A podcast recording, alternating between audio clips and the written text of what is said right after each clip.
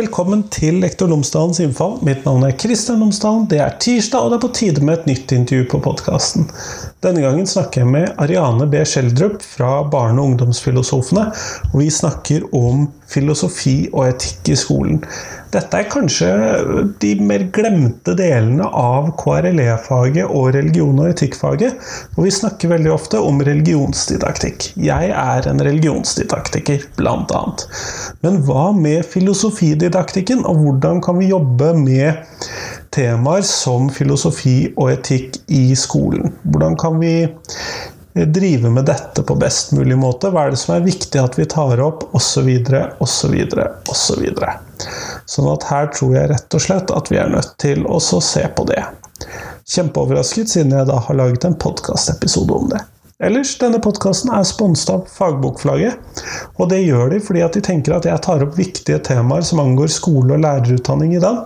Og de tror også at du som hører på denne podkasten, er opptatt av det samme som Fagbokflagget. Hvordan ny forskning kan påvirke og forbedre praksis i skolen. Så hvis du går inn på fagbokflagget.no, så er de sikre på at du vil finne en del av det der. Du vil finne en del av det på podkasten. Og de er sikre på at de har en bok eller tre eller fem som du kan være interessert i, så sjekk ut fagbokflagget.no. Men nå, nå får du Ariane. Vær så god.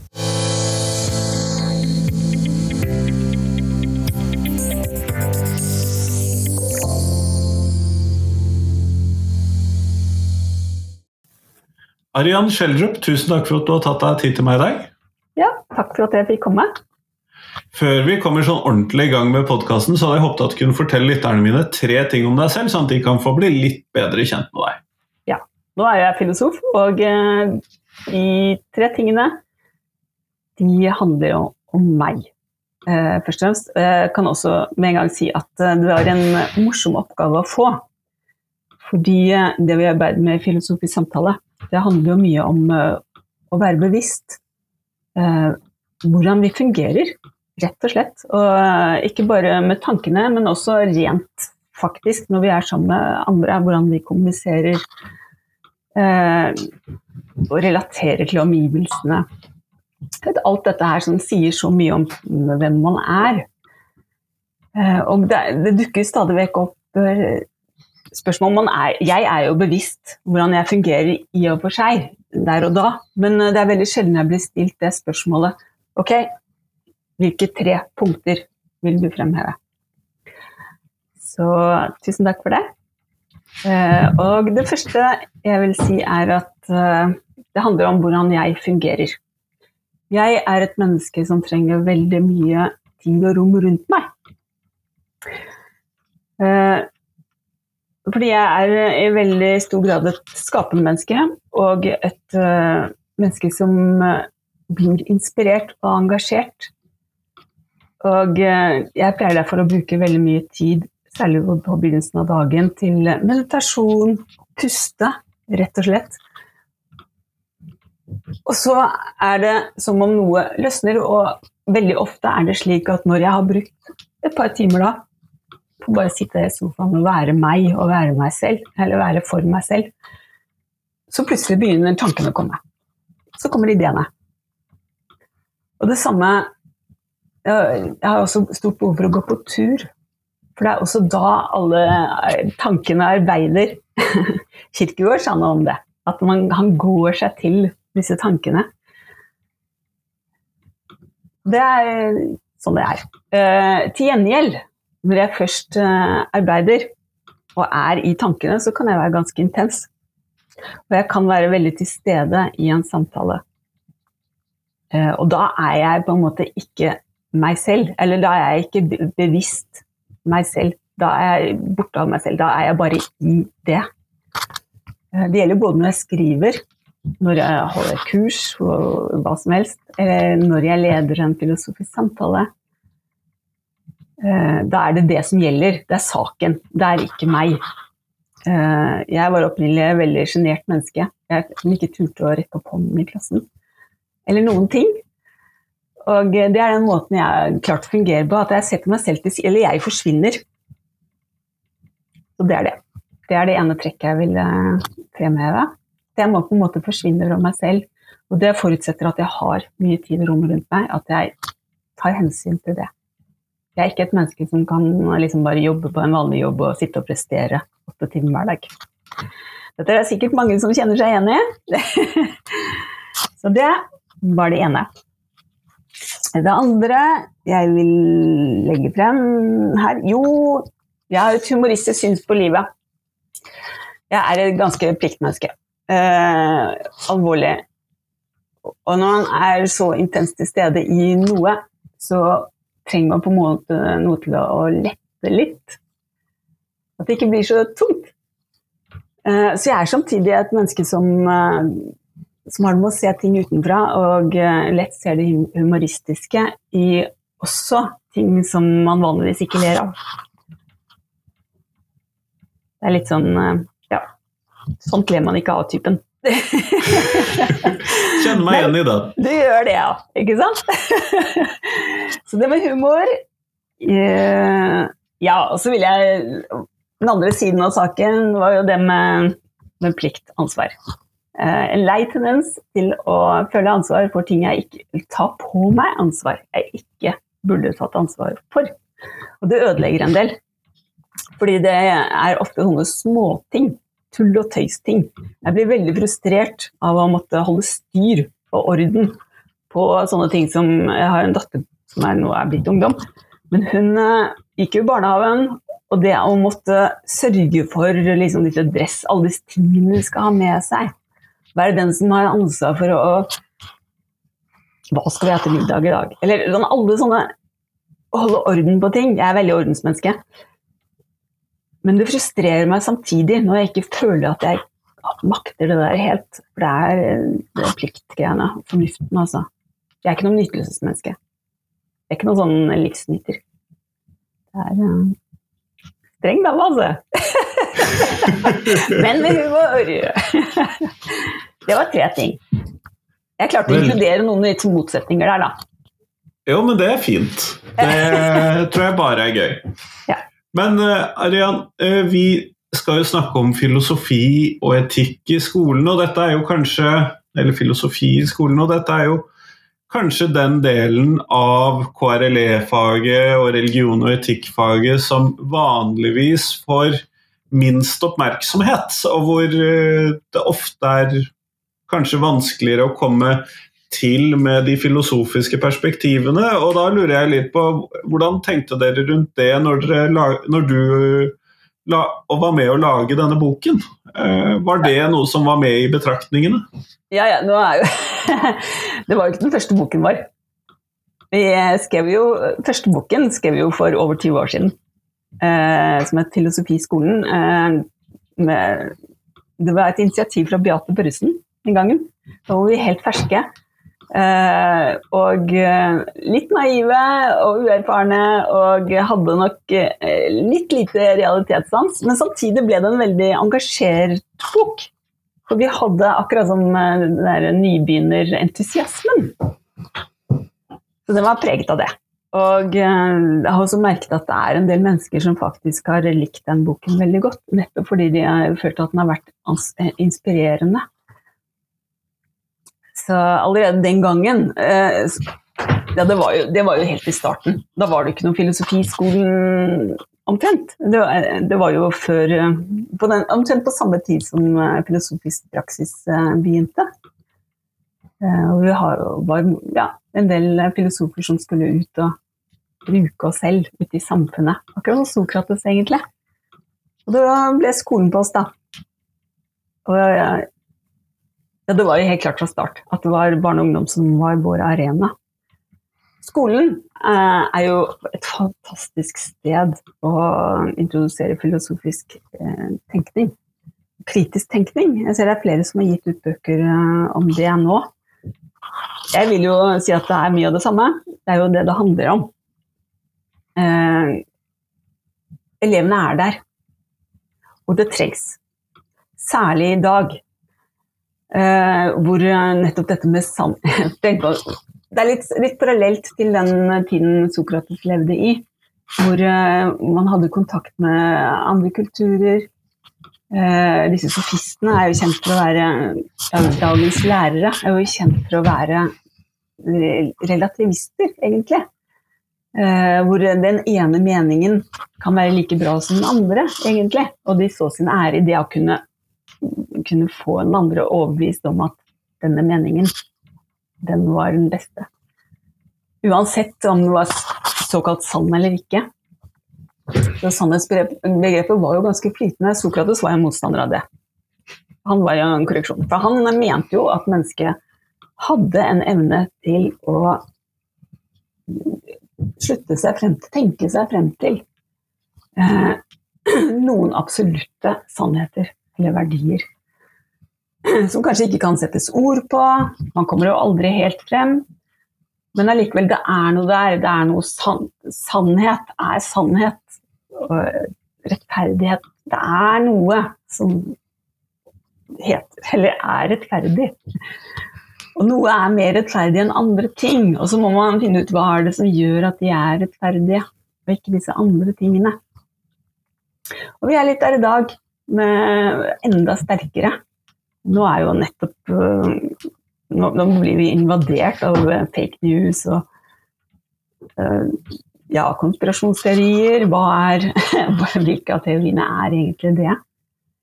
Når skal man, eller når er det slik at det alle tenker er riktig? Som regel er det jo ikke riktig.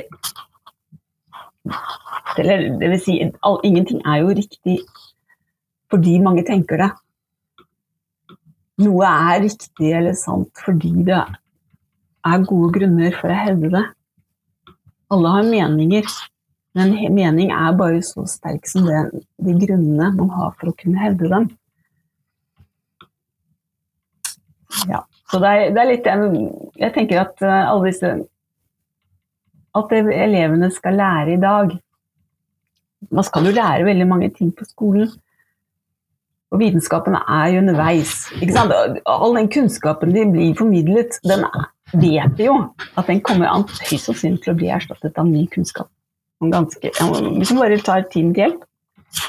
Folk har trodd veldig mye forskjellig og vært overbevist om at dette var det som var sant og riktig. Men nå vet vi Vi har den erkjennelsen av at ja, det er faktisk flytende, dette her. Så hva skal man tro? Hvordan skal man forholde seg til det? Um, og det litt ironiske når du da sier dette, er jo at boken har jo en uh, tydelig forankring i antikken. Sånn at ja, ja, ja. Uh, her er det jo eh, åpenbart ting som arves med, selv om stadig ny viten kommer til. Ja, så det er jo noen ting som faktisk er der. Og jeg vil jo hevde at man må ta mange ting for gitt når man skal lede en filosofisk samtale. Vi må ta for gitt at mennesket har rasjonelle evner. Vi må ta for gitt at de faktisk må ha tillit til at mennesker faktisk er i stand til å tenke selv. Eh, Sokrates hadde også en tillit til at eh, mennesker kunne nå frem til sann, sannere forståelse. Eh, det kan man selvfølgelig stille spørsmålstegn ved. Eh, men jeg tenker at uh, ja, det blir litt meningsløst ellers. Vi må oppleve at vi nærmer oss noe, at vi forstår noe mer. Om vi ikke kommer til, frem til et fasitsvar, eller en svar man kan sette to streker under, så må man i hvert fall oppleve at man har, har erkjent noe. Man har fått en eller annen form for innsikt i løpet av den tankeprosessen man har vært med på. Og det er helt avgjørende. At man nærmer seg noe som er sant. Og gjerne også meningsfullt, godt og vakkert og alle disse tingene. Man får en større forståelse av hva det vil si å være rettferdig eller modig, eller ja, hva det vil si å være levende. Hvorfor skal man egentlig leve? Mening. Ja, og dette har jo kommet inn som læreplanmål, i hvert fall i i videregående skole med læreplanmålet utforske og reflektere over eksistensielle spørsmål og svar? Ja, ja, ja. Der er jo helt tydelig. Og det er enda tydeligere enn, uh, enn i lærerutdanning for uh, barnetrinnet, faktisk. De som har det mest, uh, i en viss forstand, eller hvor de har opplevd at det er størst frihet, og hvor de leser mer, det er faktisk i barnehagen. Ja. Vi har jo også skrevet et par bøker for eh, barnehagene. Og eh, den siste boken vår, den kom egentlig til fordi vi skrev en bok rettet mot, uh, mot barnehage Eller ja, utdanningen for uh, barnehage. Det personalet, rett og slett. og da, mens vi, lest, vi skrev den, så ble det jo bare mer og mer tydelig at ja, men hallo, dette her kunne jo vært en bok for skolen. Skolelærerne, egentlig. Eh, og det var veldig veldig lenge siden vi hadde gitt ut denne første boken vår, og mye hadde skjedd siden den tid. Både generelt i samfunnet, men også med oss. Vi, hadde, vi sto jo et helt annet sted da vi skrev denne nye barnehageboken da, for noen år siden. Så det er jo egentlig det denne nye boken er. Eh, det er en eh, Eller vi har brukt veldig mye den eh, barnehageboken som heter 'Filosofi og etikk i barnehagen', av alle ting. Akkurat det samme, ser jeg. Mm. Så vi brukte mye derfra. Eh, måtte tilpasse, selvfølgelig, for den eh, måtte jo relatere til, eh, til barnehage Eller det som var. Alle disse planene for barnehagen. Mm. Og det er jo litt annerledes. Men ellers er det en, uh, ja, en fornyelse av den, rettet mot skolen. Ja. ja. Eh, men når vi ser da som lærer, fordi at de færreste lærere i KRLE-faget og religion- og etikkfaget i skolen, de eh, færreste har filosofibakgrunn. Og jeg må si at jeg har syntes alltid at det har vært noe av det vanskeligere jeg har jobbet med i religionsfaget. fordi at jeg kan mye rart om mange forskjellige religioner, men filosofi, da Der er jeg ikke så sterk, rett og slett. Og hvis vi kunne ta det litt sånn grunnleggende, hva tenker du er viktig at jeg har med i bakhodet, da, hvis vi skal starte der, når vi skal jobbe med filosofi i skolen? Hva er det som er viktig for deg, da? Ja, jeg vil si at det er en fordel med filosofisk bakgrunn. Er, derfor er det også Man kan også lære en del om filosofihistorie i den boken. Og der, det står faktisk i rammeplanen òg. Uh, og uh, ja, for det er, et eller annet med at da får man noen knagger. Man vet litt hvordan det fungerer. At man f.eks. Eh, ok, man har en overordnet teori eller et overordnet spørsmål som man prøver å få svar på.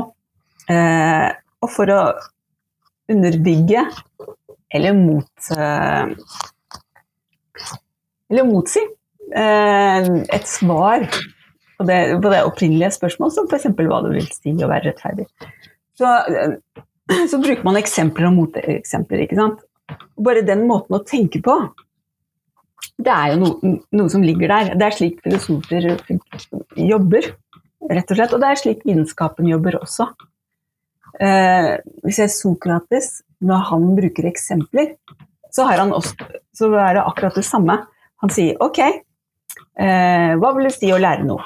Jo, jo ikke sant? Så har man en teori, og så sier han ok, en som eh, gjør det og det, uh, er det å undervise. Og hva underviser man i? Så bare denne, hva man underviser i i seg selv, da introduserer du igjen et grep hvor du konkretiserer. Uh, og det er et eller annet Man får disse knaggene ved å, som sagt, ved å lære filosofi. Hvordan, hvordan man liksom kan dele opp uh, at, se, motsetninger. Uh, hvordan stiller man spørsmål om begrunnelser? Hva kan være konsekvensene av å, å, å tenke slik eller slik? Så det er det ene lurt å lære seg filosofihistorie. Uh, en annen ting uh, er jo det der med at man skal være en fødselshjelper, ikke den som gir svarene. Og den er vanskelig. Og der vet jeg også at det er litt forskjell på hvordan man En del praktiserer filosofisk praksis. Det er de som har én-til-én-samtaler mellom voksne mennesker. Hjelpe dem filosofisk. Det er litt forskjellig, uh, fordi noen vil dele sine egne erfaringer og, og, komme med innspill. Mens uh, slik jeg arbeider, uh, så gjør jeg i minst mulig grad det. Jeg vil ha elevene til å komme med eksempler og moteksempler. Å komme med alt. Og hvis det er noen som sier noe som jeg i utgangspunktet kanskje Eller det er helt irrelevant om jeg er enig eller ikke enig. Og jeg tenker det er så utrolig viktig i dag at man også kan gi rom for dem man er dypt uenig med. Istedenfor å bare kneble eller meningsmotstandere.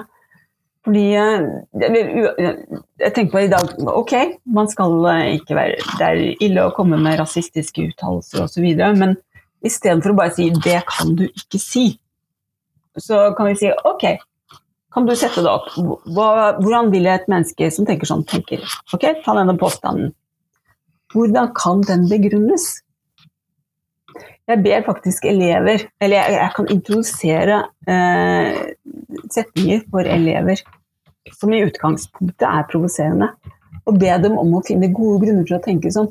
Og det er ikke for at de skal bli overbevist om at det er riktig, men det er fordi at vi må se at det må være mulig å møte hverandre. Og at eh, alle mennesker har faktisk rasjonelle grunner for å tenke som de gjør om de ikke eh, synes rasjonelle, så kan de kanskje ha bakgrunn i erfaringer. Det, er alltid en grunn til at et menneske tenker som det gjør, og reagerer som det gjør. Og det er bedre å nøste opp i de grunnene og, så, og finne ut om hvordan de kan fungere eller ikke fungere i forhold til andre måter å tenke på enn uh, å bare avfeire folk. For i det øyeblikket du bare avfeier noen, så blir det utenforskap. Det er mitt ja. på det. jo, jo. Så vi kan si eh. provoserende ting, og vi må tåle det. For det er et eller annet med når vi lever i den verden vi faktisk gjør. Så må vi tåle det. Og det har jo med ytringsfrihet å gjøre. Ja, og så er det jo eh, skolens oppgave. En av oppgavene i den nye læreplanen er jo nettopp det å lære seg å tåle uenighet og stå i mm. eh, Og kunne bryte meninger med folk. Eh. Ja. Og det å, og at, at, det alltid må være lov å tenke annerledes. Og dette å tenke annerledes Ofte vil det ligge Ok, om du så ikke hopper over på den, eh, på den akkurat det ståstedet, så kanskje det er noe å hente der som, som setter uh, lys på ditt eget ståsted som du kan lære av. Rett og slett. Så det, ja. Platon sier at uh, det å tenke er å samtale med seg selv. Du må ha flere, å, flere stemmer for å kunne tenke. Det er veldig viktig å få frem i samtalen. Uh, jeg har en sånn oppgave jeg noen ganger gir dem, om at Ok, jeg gir en setning Eh, F.eks.: eh, Jeg spiser sjokolade fordi vennen min spiser sjokolade. Er det en god eller dårlig grunn? Eh, og så skal du si ja fordi eller nei fordi. Hvis alle svarer det samme, ja eller nei, så vil jeg gjerne be dem om det motsatte. Tenke det motsatte. For det vil alltid være noe å hente der. Og det er et eller annet med at vi må være fleksible til å, å klare å ta den annerledesheten. Og det er også et grep jeg noen ganger bruker, det er å be dem om å, å, skrive ned, eller det gjør jeg forresten alltid, når de har et svar på et spørsmål, skriv det ned. Fordi vi tilpasser oss hverandre. I det øyeblikket noen har kommet med svaret sitt, og vi har hatt en liten samtale, og så skal du komme med ditt svar, eh, så vil du gjerne vri det lite grann. For du er påvirket av det som faktisk har skjedd i løpet av samtalen. Men da mister du originalitet. Kanskje mister du den ene lille snerten som var der, og som samtalen trenger. Og som alle de andre også trenger. Selv om du føler at det er mye klokere når vi setter lys av det de andre har Ja, i det hele tatt. Så det, det må ivareta originaliteten og våge å gå inn i noe som er annerledes. Og også klare å se når vi faktisk er uenige, men det høres likt ut. For det skjer også. Ja, og det gjør det jo. Men eh, nå har du jo snakket mye om denne her samtaleformen eh, og hvordan vi kan jobbe med ytringsfrihet og meninger og eh, den typen ting. Men ja. i hvert fall tidligere så var læreplanene relativt opptatt av eh, de individuelle filosofene eller meningene deres heller enn den filosofiske samtalen. Mm. Um, nå, og også ut ifra hvordan læreplanen er utformet nå, så virker det som vi har gått mer i retning av det du nå har fokusert på i skolen. Ja. Det har jo skjedd en voldsom utvikling. Det må jeg si. Men det har jo skjedd en voldsom utvikling i skolen generelt. Eh, så da vi, da vi eh, begynte, så var jo ikke det tema i skolen. det har jo vært en gradvis eh, ja, spredning. Det litt, men det har gått i litt forskjellige retninger også. fordi altså, I barnehagen vet jeg at de har hatt hva de kaller undringssamtaler. Og det de også kaller sokratisk dialog, eller sokratisk praksis, det er ofte litt annerledes enn det eh, vi praktiserer, og som har med det kritiske siden å gjøre. For eh, det å være jordmor og liksom undre seg sammen og, og sånn, det, det, er ikke nødvendigvis så mye kritisk ved det. Det handler bare om at eh, man uttrykker seg fritt. Eh, og spinner på hverandres og egne tanker. Men man sørger ikke nødvendigvis for at man tenker sammen engang. Og det var jo noe av det første vi møtte på da vi, vi, begynte i barnehagen. For kjempelenge siden. Og eh, hadde alle våre teorier. Vi visste hvordan dette skulle gjennomføres, bortsett fra at vi ikke hadde noen praksis. Og det første vi skjønte, var at vi måtte få barna til å høre på hverandre. Og bygge på hverandre. Og eh, ikke bare komme med meningene sine. De måtte først si hva de andre hadde sagt før dem, før de, og hvordan det de sa, hang sammen med det. Og eh, veldig ofte så tenker vi, når vi hører en ting, en påstand, så foregår det ting inni hodet vårt. Vi relaterer til våre egne erfaringer, vår egen måte å tenke på. Og så hører vi ikke nødvendigvis det samme som den andre mener å si. Eh, og da må, kan det være godt å ta noen sånne runder på Ok, hva var det han sa?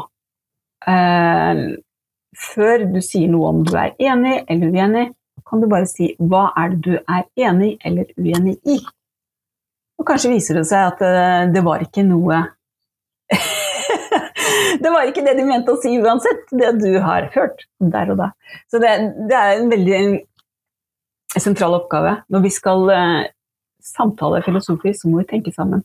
Vi er kritiske sammen. Vi legger ting på bordet, og eh, vi må sørge for at vi ikke bare sitter inne i hvert vårt hode og tenker det vi tenker der, men eh, at vi faktisk relaterer til det samme. Vi har et sånn senter med alle de ordene vi har sagt.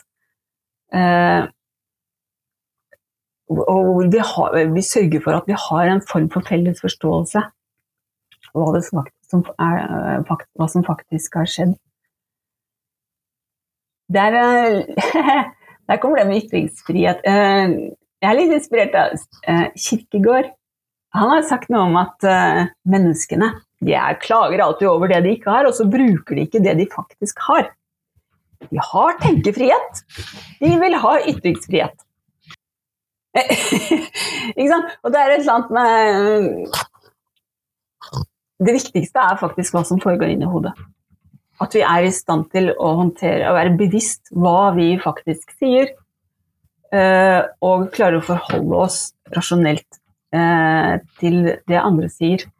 Eh, og ikke bare lar oss rive med av spontane følelsesreaksjoner eller hva som helst, men at vi faktisk gir oss selv tid og rom til å ta det inn over oss og se hva kan vedkommende ha ment med dette. Ja, og dette er jo vanskelig på mange måter. Både det å skulle hva skal vi kalle det, akseptere tankefrihet som en frihet, siden det er så sjelden vi faktisk opplever at noen skal arrestere tankene våre. Det er litt vanskelig, da. det er det. Jeg driver jo stadig vekk og synger 'Din tanke er fri', sånn at det Ja ja, men hvor fri er den? Og hvor mange meningene våre er våre egne? Eh, jeg vil i utgangspunktet si at ingen mening er Eller ingen av de meningene vi får, er, våre egne. De blir våre egne når vi jobber med dem. Når vi blir bevisst uh, ja, Vi blir bevisst når vi ser forskjellige eller hva, Ser for oss både konsekvenser, uh, hvordan det kan begrunnes, hvordan eh, meningen står seg i forhold til andre måter å tenke på. Da blir den mer og mer vår egen. Og da blir det din tanke Kan, kan vi kanskje løse oss, løsrive oss mer og mer fra opphavet? Men uh, ja. Det er, men det er klart, det er jo et uh, veldig stort personlig ansvar vi har da. det er det ene store ansvaret vi faktisk har som mennesker. Det er det ansvaret vi har for hvordan vi tenker og hvordan vi fungerer. Vi har, vi, alt andre er jo ansvar vi kan ta på oss. Men uh, det er jo virkelig bare oss selv vi faktisk eh, aldri slipper unna. Absolutt. Dessverre. Nei. det er den skumle siden ved å være menneske, da. Det hadde jo vært veldig deilig å være en kanin på mange måter. En kanin som har det godt, da. Ja, ja, men mine kaniner har 18 kvadratmeters eh, luftegård når vi ikke er hjemme, og så får de en ekstra 20 kvadratmeter når vi er hjemme, og kan passe på at ikke kattene tar dem. Ja, ikke sant. Det, ja. Det er et godt liv. Søren heller. Men så er liksom eh, Ok, hadde du kunnet eh, så hadde du gjort det. Jeg hadde nok ikke det. Nei, ikke sant? Er, er, ikke sant? Det er jo akkurat det som er poenget. Vi, det er det forbannede ved det å være menneske. Altså. Vi slipper jo ikke unna. Jeg husker det var en av disse guttene i en, Det var en barnehagegutt. Han, eh, han slet med tanker, tydeligvis. Han eh, sa at han hadde alle slags tanker. De var mørke tanker og lystanker. og handlet om både ene og andre forskjellige farger, og jeg vet ikke hva. Skumle og ja, i det hele tatt. Og han kunne forklare hvordan de kom inn i hodet hans, men han klarte bare ikke å få dem ut. og det er vel litt sånn det er med oss. Og jeg har uh, tro på det å kombinere litt uh, meditative øvelser, rett og slett, med filosofisk refleksjon. For det er et eller annet med det at vi, vi må kunne stoppe opp og stanse tankeflommen og få litt kontroll. Jeg er veldig opptatt av at vi skal ha litt styring, litt, at det ikke bare blir kaos, at det blir orden. Det er mye enklere å nå frem til innsikt hvis man rydder. Og En filosofisk samtale handler mye om å rydde. Det handler om å finne ut hvilken mening Eller er dette det samme Denne påstanden, er det den samme som denne? De høres ganske like ut. Hva er likheten? Hva er forskjellen? Og det å plassere ting i bokser, det er veldig kunstig. Livet er ikke slik. Men det er slik vi skaper orden i hodene våre. Og der er jeg veldig aristotelisk, vil jeg si. Men er det noen, fordi at Nå har du jo snakket, vært litt inne på noen sånne litt sånn større eksistensielle temaer. Er det noen sånne mm. samtaletemaer knyttet til dette som du tenker at egner seg særlig godt for skolen og skoleelever, eh, som du ville trukket fram når vi først skal ta disse eksistensielle temaene med elevene? Ja, vet du hva, vi tar det som kommer. det er, og det er jo det som er utfordringen. Den ene siden er at man ikke skal legge sine egne meninger og egne vurderinger klar for dem. For de må de komme med selv. Og det, er, og det er å klare å hjelpe dem frem til det uten å blande seg inn. Det er den ene siden. Men den andre er jo det Du snakket om utfordringer for læreren. Selvfølgelig, du må jo ha en sånn Hva er det for en sånn verktøykasse med forskjellige grep du kan bruke en samtale sånn rent og ordentlig. Og, og det går jo nettopp på det å ordne, rydde ordne og kategorisere hjelpemidlene. For det sørger for at vi kan puste litt friere. Uh, og det gjør det lettere for tankene å arbeide. Uh, litt ja, i orden. Men det, det er sånne ting som man kan lære. Det ligger jo veldig masse ressurser omkring. Det er jo ikke bare vi som har skrevet bøker heller. Eh, Det ligger mye på nettet. Eh, Vi har også en hjemmeside hvor det ligger en del ressurser, annet. Eh, Det er skrevet flere bøker om kritisk tenkning, som er på norsk, til og med. Og så er det jo veldig man kan, Det finnes uh, grupper Det er jo ja, internasjonalt uh, som man kan delta i. Uh, I det hele tatt det, det er en prosess, det der. Og det er ikke bare bare for en lærer å hoppe ut i det. Og det var jo det du sa også. At én ting er å lære seg litt filosofihistorie, men det er faktisk en eh, litt utfordrende å skaffe seg den verktøykisten. Eh, ikke bare lese om den, men eh, få den inn som en del av deg selv, din måte å arbeide på. Så det er en prosess. Mm. Og noen har lettere for den andre. Det gjelder jo alle ting. Noen er eh, Vi har jo forskjellige egenskaper. Eh, Jeg, min sterke egenskap eh, der er vel først og fremst at jeg liker orden. Jeg kan si nei. Jeg kan stoppe folk. Hvis jeg syns de sier for mange ting, så stopper jeg dem. Fordi det roter til. Det blir for mye for andre å forholde seg til. Hvis de sier for mange ord. Hvis det legger til for mange forklaringer. Så vi, eh, vi stopper opp, tar den ene lille tingen, så prøver vi å gjøre det på en høflig og hyggelig måte, så ingen føler seg støtt. Noen blir litt uh, satt ut allikevel. Men det er en læringsprosess. For det, da kan vi begynne der. Og så kan vi la de andre komme med sine uh, synspunkter på det. Istedenfor bare å si mest mulig. Min erfaring er at eh, det mest, de mest lærerike samtalene de får man når man bruker få ord i utgangspunktet. Ikke si for mye på én gang. Du kan få enormt mye ut av en veldig kort setning. Og det er bedre å komme med klare synspunkter enn eh, å, å introdusere forbeholdene. Og det det er noe som er veldig vanskelig. Man vil jo ikke binde seg til én ting. Man vil jo gjerne si på den ene og andre side, ikke sant? Jo, jeg mener at eh, det er en fin ting eh, å dele sjokolade. Men det vil alltid være tilfeller hvor det ikke er så bra. Ikke sant? Hvis f.eks. den ene er tykk, eller ja. Så Du vil alltid komme med alle forbeholdene dine. Så, men eh, slutt med det. Ikke sant? Vi kan ikke begynne der, for da roter vi til med en gang. La oss ta utgangspunkt i det. Ok, det er fint å dele sjokolade. Hva, hva er det som er fint med det? Fordeler. Så kan vi ta, lage en lang liste på det. Fred og ro. Ro og mak.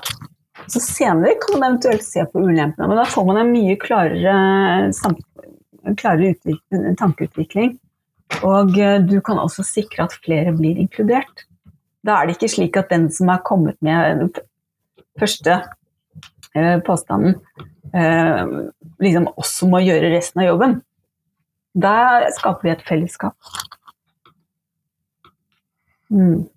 Det høres veldig bra ut, Arian. Vi går mot slutten av tiden vi har sammen i dag. Mm. Og da lurte jeg på å stille deg det siste spørsmålet mitt, som jeg alltid Ja, stiller til kan jeg få lov å si en ting til? Jeg er nødt til. Yes, det kan du!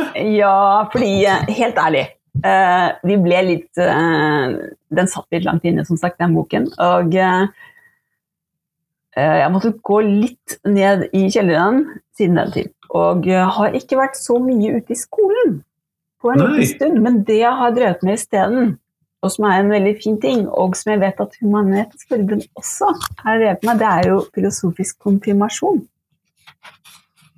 Eh, og det å samtale med ungdom i den alderen. og ta dem på alvor og, og, klare å,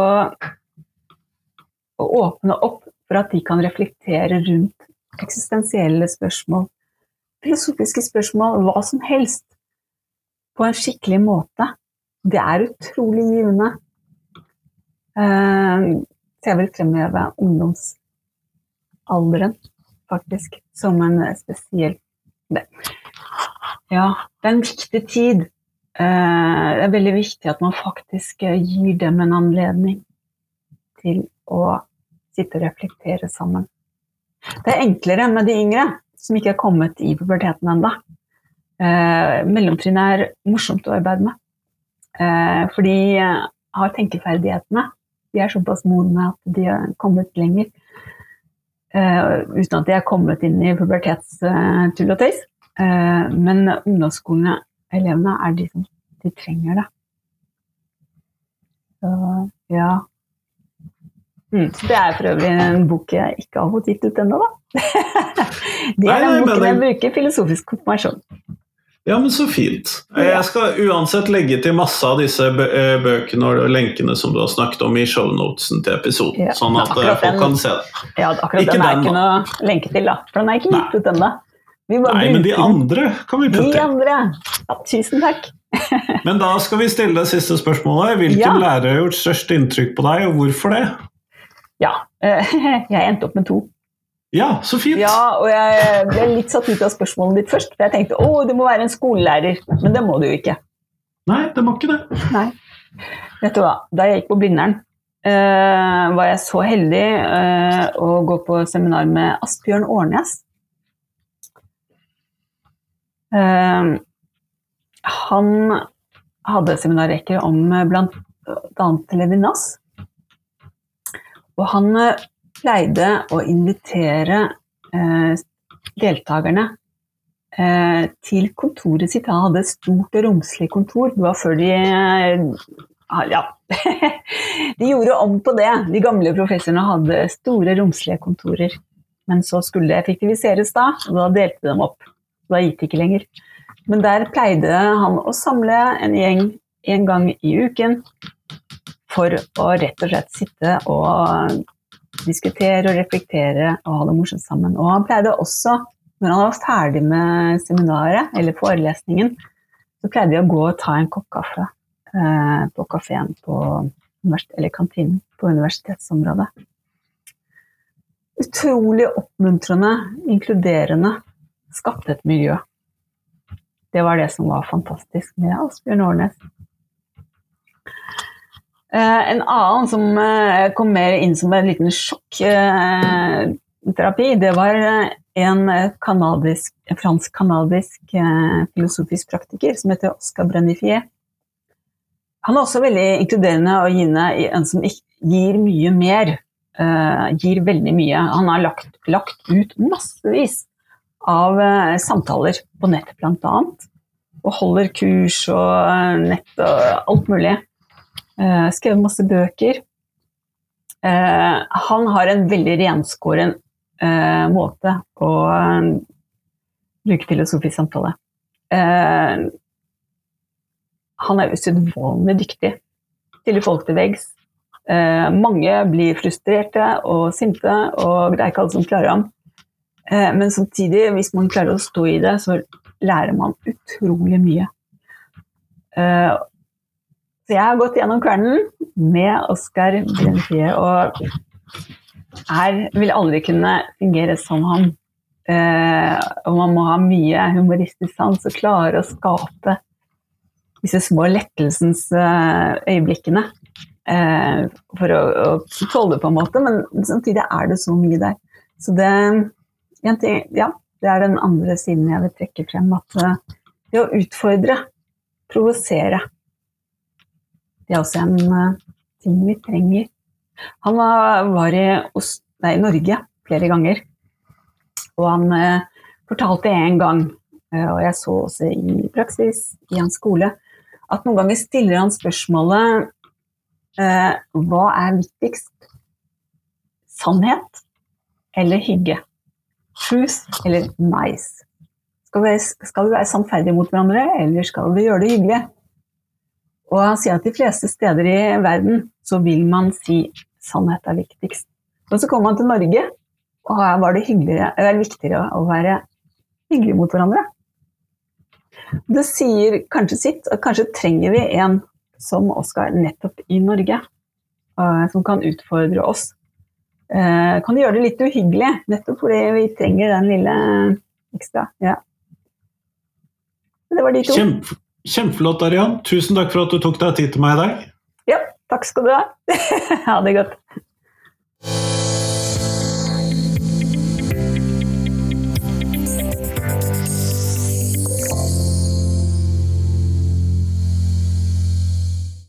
Tusen takk til Ariane, og tusen takk til deg som har hørt på. Nå er det én uke igjen til neste episode på podkasten, og det ser som vanlig jeg fram til. På fredag så kommer det i tillegg en repriseepisode, og jeg håper at du vil glede deg over dette. Hva skal vi kalle gullet fra en av de første sesongene på podkasten? Vi er faktisk inn i 2018-episodene. Vi er kommet midtveis til 2018. Jeg tar jo ikke med alt. Det er noen episoder innimellom som jeg lager reprisepisoder av. Og denne fredagen så skal det handle om mat- og helsefaget. Det er et fag vi snakker altfor lite om, så det kommer på fredag. Men nå, nå, håper jeg at vi nærmer oss skolestart, at du er uthvilt. Og jeg håper at du kan sende meg tips til noen som du tenker at jeg bør invitere på podkasten. Ha en fin dag. Hei!